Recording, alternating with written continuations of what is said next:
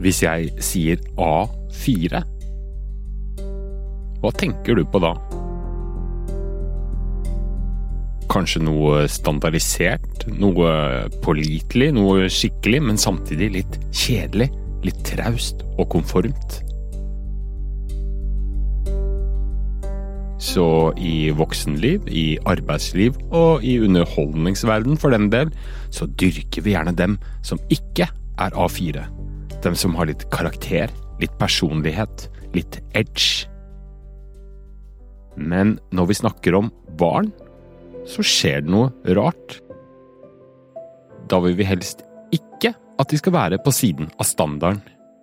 Vi vil gjerne ha dem som er midt i kurven, som følger normalen, det enhetlige. Så hva skjer med dem som ikke treffer kurvene? De som agerer og reagerer på en litt annen måte enn A4-barna? Blir de dyrka? Ofte ikke. De blir snarere sett på som avvikere, litt rare, litt på sida. Og vi får en trang til å sette dem i bås som litt trøblete.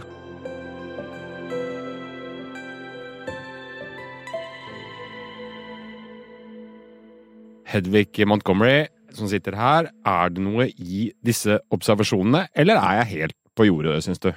Det er klart at eh, når vi snakker om barn, så høres det ut som barn er én størrelse. Men alle som har stått der med en barnegruppe, vet at det stemmer ikke i det hele tatt. Det er Mhm. all slags folk og all slags farger. Og så er det ganske lett, spesielt når du står der med en gruppe med alle dem som er klumpet sammen på midten. Og da blir de som, eh, som renner litt ut til sidene, hvis vi skal kunne kalle dem det, Ja. blir lett å irritere seg over. Absolutt. Vi skal i dag snakke om dem som tar mye rom, som du kaller fullformatbarna. Og vi skal snakke litt om de som er i motsatt ende av skalaen. De som tar kanskje litt lite plass, de litt mer tilbakeholdne, de litt forsiktige barna. Men jeg tror aller først må du greie litt ut for oss dette begrepet som du har brukt, som jeg syns var interessant. Hvem er fullformatsbarna? Er Fullformatsbarna, jeg må bare si, det er virkelig ingen diagnose. Og det er ikke noe vitenskapelig i dette. Eh, Men alle skjønner, får opp bildet så fort. Fordi dette er de barna som lever ut i hver fiber i sin egen kropp. De har stemmer, de har bevegelser, de bruker hele seg og alle følelsene sine, på godt og på vondt. Og i de fleste klasser så finnes det minst én slik, som det kan være ganske lett å bli irritert på. Men hva er det som bor i disse fullformatbarna, for å si det på den måten? Altså Det som bor i dem, er jo for det første at, at, de, at de tar større plass enn mange, mange andre. Uh, og om det er på godt eller på vondt, kommer jo an på hva slags plass de tar, og hvem de er. Eh, men det er nok også en modenhetssak. Eh, så mye av det som virker som, som store fakter hos en åtteåring, er mer innenfor eh, det andre barn er, kanskje bare noen år senere. Så dette, dette er ikke noe som verken handler om personlighet alene, eller følelser alene, eller for den delen stemmeprakt alene. Men det kan gjøre det. Og kombinasjonen av ofte umodenhet, stor eh, vilje til å bruke seg selv og stor evne til å bruke seg selv, kan av og til være veldig, veldig vanskelig både for lærere, foreldre og for andre barn også. Så dette er altså barn som på en måte bare er bitte litt utenfor eh, kanskje mainstream, eller hva man forventer av, av naturlig utvikling og naturlig modenhet og sånt, og så tenker man at disse er det noe gærent med, men som er de, måte, så er de bare i randsonen av normalen, på en måte, eller noe sånt, da. Veldig, veldig ofte så er det det vi ser. De trekker inn mot midten eh, når modenheten faller på plass. Hvilke holdninger er det disse, og, og kanskje typisk da foreldrene deres, møter?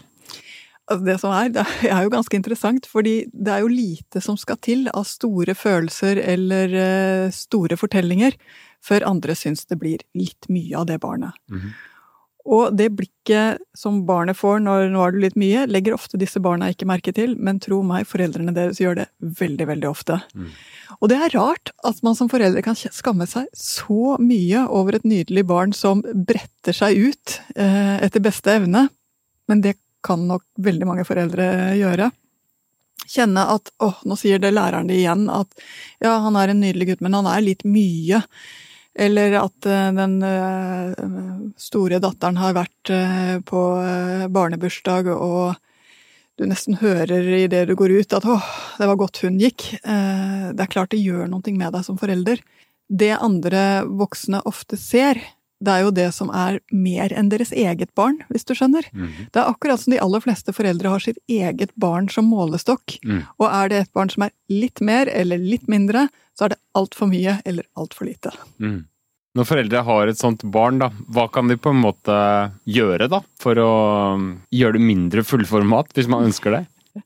Altså, nå må jeg for det første si det at man selv blir veldig, veldig flau, kan få en forelder til å gjøre helt idiotiske ting. Ja, ja. Eh, Så det første er jo rett og slett å stoppe den der og skjønne at ok, nå er det den der foreldreskammen som slår inn, som får meg til å bli en dårligere forelder for mitt eget barn. Du må lære deg å kjenne igjen litt grann, hvor kommer dette fra? Eh, Om vi vil at barna skal bli mer inn mot midten, så må jeg bare si jeg vet ikke alltid om det er så mye å gjøre. Det som får barn til å ta, altså, ta mer passe plass, da, hvis vi skal kalle det det, er en kombinasjon av at de trives, at det rett og slett er et godt sted å være, fordi da blir det mindre armer og bein helt av seg selv. Så trivselen er den første. Det andre det er at barna rett og slett lærer seg lite grann. Eh, hvordan reglene er, hvordan det sosiale fungerer. Rett og slett bygger på denne kunnskapsbasen. Vi kaller den av og til for sosial kompetanse. Jeg vet ikke om det er et godt eller et dårlig ord, men barn lærer seg jo hvordan verden er og livet fungerer etter hvert som de vokser inn i dette livet. Og det tredje er modenhet. Og en av de tingene jeg ser som ofte går litt igjen for de barna jeg ser på kontoret som er litt ja, som tar mer plass enn gjennomsnittet, det er ofte at de fysisk ligger foran i vekst, Mm. eh, mens eh, den mentale modenheten ikke er i nærheten av å være så stor som det kroppen ser ut til. Sånn at ute i skolegården blir de kanskje tatt for å være fjerdeklassinger når de bare er andreklassinger, og så blir de snakka til og kjefta på på en måte som egentlig er litt urettferdig, for der er det ikke ennå. Mm. Hvilke utfordringer gir det f.eks. For, for lærere, da? Det er klart at lærere står der og har en hel klasse foran seg, og det er en ganske formidabel oppgave. Og noen tar mye plass, og andre tar lite plass, og igjen, mange er på midten.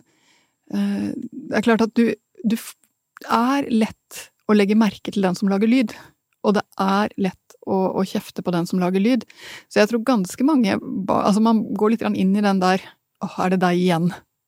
Nå hører jeg stemmen din igjen. Altså, du får den der som til slutt ikke blir en irettesetting, men som blir mer nagging. Som Mm. mer blir hakking.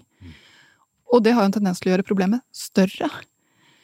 Så lærerne har ikke noe kjempelett jobb, fordi her står man og skal håndtere denne store gruppen, og skal lære alle sammen hvordan fungerer det her, like alle sammen, sånn at de trives her, og gi dem en trygghet som gjør at de faller til ro, og vente inn denne modningen, ikke sant. Så de har jo en formidabel oppgave. Men jeg tror at lærerens møte med disse barna som tar mer plass, handler mye om å ikke gå i den der eh, Petter, eh, er det din jakke? Den ligger her. Petter, sett der. Eh, Petter, ikke gå der. Petter, ikke nå igjen. Nei, ikke ennå, Petter. Altså, jeg, har jo hatt barn innom kontoret mitt som har sagt at jeg hører navnet mitt hele tiden. Hele, hele tiden er det et eller annet som jeg har gjort galt, et eller annet jeg ikke har plukket opp, et eller annet jeg ikke har. Og til slutt så kjennes jo det ganske kjipt ut for det barnet, og får det barnet forbløffende nok til å oppføre seg enda dårligere. Men du sier eh, her at eh, disse har vært innom kontoret ditt. Mm. Det må jo være en grunn til at de da kommer dit, og hva, og hva er det som regel? Altså når de kommer til meg, så kommer de ofte litt lengre ut. Ja. Da kommer de der hvor de ikke trives på skolen, der hvor de ikke vil gå dit. For det er jo det som kan bli den ytterste konsekvensen av å kjenne at du ikke passer inn og ikke hører til, og at du blir plukka på hele tiden. Da vil du jo ikke. Og det er også interessant, for barn som har bruker seg selv fullt ut, har ofte også evnen til å føle fullt ut, og med store bokstaver. Så da blir jo protesten også sterk.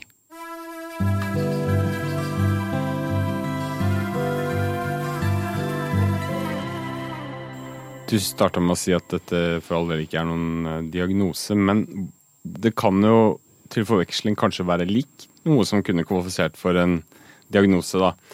Så hvordan vet man om man bare har et barn som er litt mye, eller om de faktisk sorterer under en eller annen kategori og burde kanskje behandles for det, eller kommet inn i et eller annet forløp, da? Ja, dette er et utrolig godt spørsmål, og det må jo også sies at det er jo mye som henger sammen i, eh, i det som til slutt kanskje blir et behandlingsløp for noen barn. Men nå må vi huske på at de fleste barn finner ut av det. Og de fleste familier finner ut av det. Og noen trenger hjelp, og trenger også å sortere hva er dette for noen ting. Er det en læringsvanske, er det problemer med å ta til seg det som skjer i klasserommet, eller er det en indre uro? Det er to ganske forskjellige ting. Er det følelser som bikker over og, og blir så sterke at de hemmer barnet, eller er det bare barn som ligger og tipper på den der grensen? Jeg skulle jo ønske at vi bare kunne Eller kanskje skulle jeg ikke ønske det heller, men av og til så hadde det vært praktisk om man bare kunne ta et røntgenbilde av barna og liksom si at ja, men dette er altfor mye, eller dette må behandles. Men det kan vi jo ikke. Eh, det handler jo om hvilke omgivelser barnet befinner seg også, hvilke krav som blir stilt til barnet, hvordan barnet blir møtt. Og jeg tror at vi fortsatt som samfunn har mye å gå på der. Det er mange barn som gjennom å bli møtt med trygghet, nysgjerrighet, få, få, lære seg det de trenger å lære seg skritt for skritt, så vil de klare å hente seg inn igjen og, og ikke bli et problem, eller ikke føle seg som et problem. Du har skrevet om dette her i en av spaltene dine i magasinet, og der har det skåret seg da mellom foreldre og eh, skole, fordi de har helt ulike virkelighetsforståelser. Hvor typisk er det? Det hender nok ganske ofte, og kanskje spesielt med disse barna her, at de fungerer bedre på tomannshånd enn det de fungerer i en gruppe. De fungerer fint hjemme i familien, eh, hvor det er plass til dem, og hvor de får lov til å trekke seg unna eh, og holde på med sitt når de kjenner at det blir mye. Mens i en klasse så sitter du der og må sitte der til, til dagen er slutt. Eh, og da er det ikke så uvanlig at foreldrene kommer til skolen og ikke helt skjønner hva det er for noen ting skolen ser som et problem, Uh, og det hender absolutt at skolen tenker at det må være et eller annet galt hjemme, siden barnet oppfører seg sånn.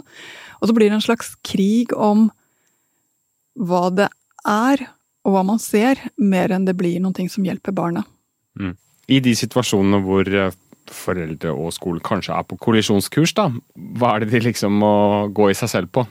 Jeg tror jo at det å lete etter feil sjelden gir oss løsningene.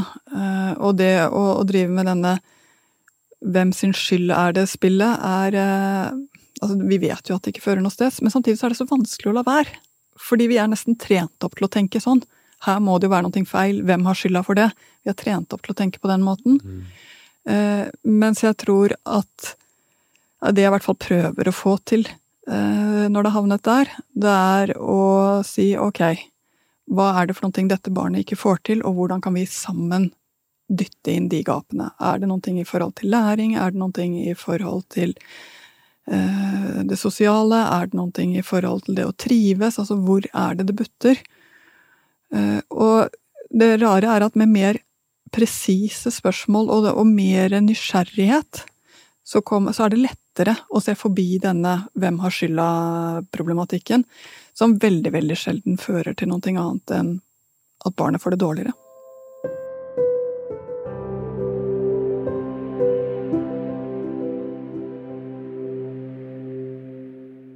Dette er en episode i fullt format fra Foreldrekoden. Hvis vi går uh, i den andre enden av skalaen i forhold til de som bruker tar mye plass, så er det jo også noen som tar lite plass. De litt mer forsiktige. Som er en ganske stor uh, minoritet, har jeg skjønt. Hva er som kjennetegner dem? Altså De litt forsiktige barna, barna som eh, aldri løper først når man har skattekart og skal finne kista på krysset. De barna som syns det er helt fint å sitte litt lengre unna de andre barna. De barna som må oppmuntres til å prøve den store sklia. Det er ganske mange barn vi snakker om. Og det rare er at nå skulle man tro at når de foreldrene som føler at de får mye pepper, at de skammer seg sånn, så skulle man jo tro at disse foreldrene var veldig, veldig stolte. Men sånn er det jo ikke, fordi da blir du fort den som duller for mye med barnet ditt, du blir fort den som blir kritisert for ikke å gi barnet frihet og ikke lar det få lov til å prøve seg, og du kan fort som forelder bli møtt med ja, jeg tenker jo at det er viktig at det kommer litt skrubbsår, da, altså den der lille nåla inn i sjelen om at her er det noen ting du, skal ikke være så fornøyd, eh, som jeg tror mange foreldre har kjent på ikke noe spesielt lett, det heller. Nei. Og, og hvilke utfordringer utover den derre liksom skamfølelsen er det foreldre da møter? Det ene er at du har barn som du nettopp må Du må lage plass for dem til å prøve, til å melde seg på, til å bli med. Tar litt tid å overbevise den som er skikkelig redd for at eh, det er mye lyd og mye bølger, om at det er smart å gå på vanntilvenningskurset. Så du bruker på en måte mer tid på å få barnet trygt med deg og ut i vannet, sånn at hun kan lære å svømme. Fordi det trenger hun jo. Hun trenger jo å komme ut og være med de andre, og så trenger også disse barna ofte å få lov til å komme tilbake igjen og ha det trygt og rolig mellom slagene. Mm. Så på en måte er det Det er jo litt sånn fint å ha et barn som ikke kaster seg mest frempå, men det kan også begrense hva barnet får gjort og lært seg litt for mye, fordi han trenger kanskje å ta den plassen, og trenger hjelp til å, å rette seg i ryggen og, eh, og si ifra. Det som da kanskje er litt vanskelig, er å finne den balansen mellom å skulle være tålmodig, dra med, eh, gjenta, repetere og sånn. Men så får du en sånn veldig sånn følelse av et enormt ubehag og nærmest sånn skrekk, da, og vegring mot å gjøre det som eh, kanskje alle andre gjør. Hvor mye skal man liksom holde igjen og pushe? Ja, dette er virkelig en balansegang, som du sier. Eh, og du kjenner jo ditt eget barn ganske godt. Jo, men For å ta svømmeeksempelet, som jo man bør, man bør jo lære seg å svømme. Men hvis det er bare sånn helt sånn fra du kommer inn i garderoben, så er det sånn skrekk. Hva, hva, hva skal man gjøre med det? Skal man Ok, da venter vi til neste år og ser om det kurset funker isteden, eller hva skal man gjøre? Ja, prøv et par-tre ganger, og hvis det blir feil, prøv gjennom et halvt år. Mm. Uh, mye her er å ikke gi opp, mye her er å si, vet du hva, var kanskje litt for tidlig å begynne nå, eller kanskje det ble feil kurs, men gi muligheten til å komme tilbake, prøve igjen, og også forberede bedre. Uh, og da mener jeg ikke si der inne er det mye støy, men å si vi skal dit, så er det dusjing, så er det ut i vannet, der finnes det en lærer, vi vet at han heter. Altså gi noen sånne som gir en følelse av kontroll. Som gjør det litt tryggere å prøve. Men hva er forskjellen på å, å, være forsiktig og være sjenert? Det er jo et godt spørsmål. Og det å være forsiktig handler jo om å være forsiktig fordi man er redd for hva som skal skje, men det å være sjenert er å være redd for å bli sett eller vise frem noen ting som ikke blir akseptert. Så det er jo, det er jo to litt forskjellige mekanismer hva, hva denne forsiktigheten handler om. Og hos ganske mange barn så ser man faktisk en kombinasjon av de to. Eh, og det betyr at også denne frykten for å ikke lykkes, frykten for at det ikke skal gå bra, kan være ganske hemmende. Som da gjør at du må kjøre på litt med å si ja, men på et eller annet tidspunkt så går det. Vi mm. prøver. Altså du må kjøre oppmuntringen mye, mye mer. Mm. Så kan det jo være en ekstrem tålmodighetsprøve, da. Og, og, og, så til slutt så plumper man bare ut med ah, 'Kan du ikke bare prøve?' Eller bare 'Nå må jeg gå', eller, eller sånne ting. Er det, hvor skadelig er det, hvis det er skadelig? Må jeg bare si det tror jeg nok alle foreldre gjør på et eller annet tidspunkt. Ja. Eh, og jeg tror til og med barna skjønner det innimellom. Det er bare det at når du blir kritisert for å være som du er, så er det vanskelig å være deg. Mm. Så kritikk for barn, ting som barn ikke kan noen ting for, gjør det veldig, veldig, veldig mye vanskeligere å trives med seg selv, føle seg trygg til å faktisk prøve. Så det er ikke det at du altså, alle har jo falt i den der, og alle kommer til å si det på et eller annet tidspunkt, men det bør ikke være det som er grunntonen mm. i, i, hvordan du oppmuntrer barnet. Det er mye du skal ha sagt før du kommer dit. Mm. Men da havner man jo fort i en posisjon hvor man er i tvil, kanskje, om man er for ettergivende og for dullende, da, som du sa i stad. Og om du eh, gjør noe fint for, eh, for barnet ved å liksom stryke medhårs. Jeg vet. Jeg tenker omtrent slik. Det å oppdra barn er en utrolig reise i både sitt eget sinn og sine egne sterke og svake sider. Men det handler jo egentlig om én ting, nemlig å få barnet til å skrittvis bevege seg ut i verden, ut i samfunnet, ut i gruppene, ut til å bli et stort, selvstendig menneske. Heldigvis har vi ganske god tid på oss. Eh, som eh, i dyreverden bruker vi lang tid på vårt avkom og deres oppvekst. Og jeg tror det er en grunn til det, fordi at disse tingene, enten du har et barn som eh, kommer litt sent inn i leken og er litt mye og trenger å få litt sånn veiledning på hvordan det er lettere å komme inn i leken, eller om du har et barn som står og ser på altfor lenge og derfor aldri kommer inn i leken, så er dette Det er ikke en brå ting, det er ikke én ting som gjør at dette plutselig fungerer. Det er at barnet kjenner det går fint, jeg har sett på lite grann, nå kan jeg gå inn. Eller det går fint, jeg kom inn litt for sent, neste gang skal jeg få på skoen litt fortere og komme inn litt før, så kommer det til å gå bedre. Det er rett og slett at de samler på seg erfaring og kunnskap og trygghet som gjør at de eh, får til den leken. Det er det vi ser etter hele tiden. Så det ene øyeblikket, om du skulle ha pushet mer på den svømmingen, jeg vet ikke. Eh, men for mye press gjør at noen føler seg feil på et eller annet tidspunkt. Så det å kjenne etter hvor går den grensen, det er ganske sånn finmekanisk arbeid, det er jo det. Mm. Og der er det ikke noe fasit, der er det liksom bare å føle seg fram? Det er å føle seg frem, og også snakke med andre som er glad i det barnet ditt. Du, hva tror du nå? Mm. Om det er en medforelder, om det er besteforeldre, om det er noen foreldre i vennegruppa, men noen som du kjenner virkelig kjenner barnet ditt og bryr seg om deg på samme måte som deg, i hvert fall nesten, så, så er det godt å snakke med noen om det. Vi brukte den A4-analogien innledningsvis, og for de foreldrene som har barn som er mer A4, da, ikke nødvendigvis negativt ment det, da, men som er mer innafor normalen, mainstream, der mye sklir av seg sjæl. Hva tenker du er Hva slags råd vil du ha til de i møte med foreldre til, og barn eh, som avviker litt mer i, i oppførsel og atferd og kanskje modningsnivå eller ulik ja. Altså, det som er så fint, er at vi syns jo våre egne barn er fine. Ja. Og det gjør at det nesten er litt godt å synes at andre barn er litt fæle, for det gjør at våre barn på en måte skinner enda litt mer akkurat der og da. Eh, så dette ligger nok dessverre i som en feil i de aller fleste. Vi er glad for det barnet vi har, og syns at de andre kunne godt ha vært litt mer akkurat sånn. Mm. Det er bare at den dømmingen som det fører til, er unyttig for barna, for foreldrene deres, og faktisk også for samfunnet. Det å Se at andre strever med sitt, se at det finnes andre ting å bringe til torgs enn det akkurat ditt barn gjør. Det skal vi være glad for, for det gjør at vi får fylt alle yrkesrollene et eller annet sted om 15-20 år.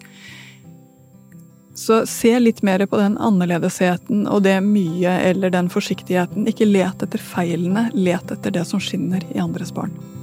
Det var fine avsluttende ord fra Hedvig Montgomery. Takk for at du hørte på. Vi håper vi høres igjen neste mandag.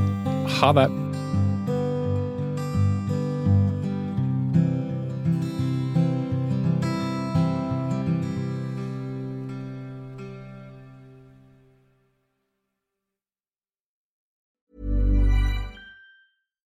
Botox Cosmetic, out of botulinum toxin A, FDA approved for over 20 years. So, talk to your specialist to see if Botox Cosmetic is right for you.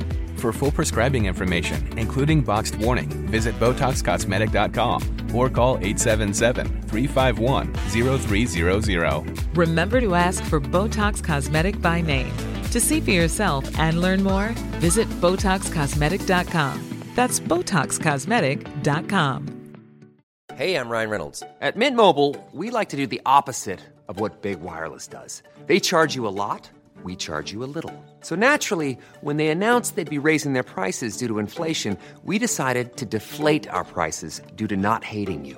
That's right. We're cutting the price of Mint Unlimited from $30 a month to just $15 a month. Give it a try at mintmobile.com slash switch. $45 upfront for three months plus taxes and fees. Promote for new customers for limited time. Unlimited more than 40 gigabytes per month. Slows. Full terms at mintmobile.com.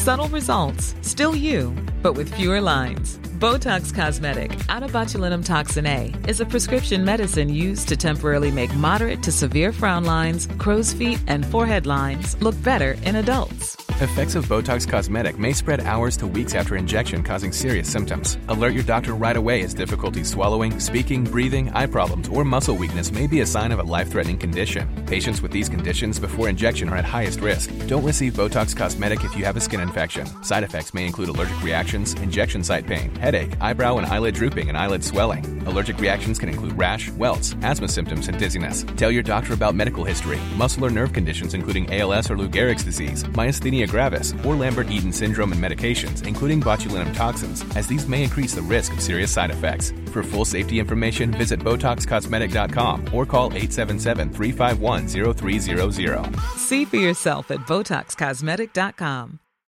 Botox Cosmetic, out of botulinum toxin A, FDA approved for over 20 years. So, talk to your specialist to see if Botox Cosmetic is right for you. For full prescribing information, including boxed warning, visit BotoxCosmetic.com or call 877-351-0300. Remember to ask for Botox Cosmetic by name. To see for yourself and learn more, visit BotoxCosmetic.com. That's BotoxCosmetic.com.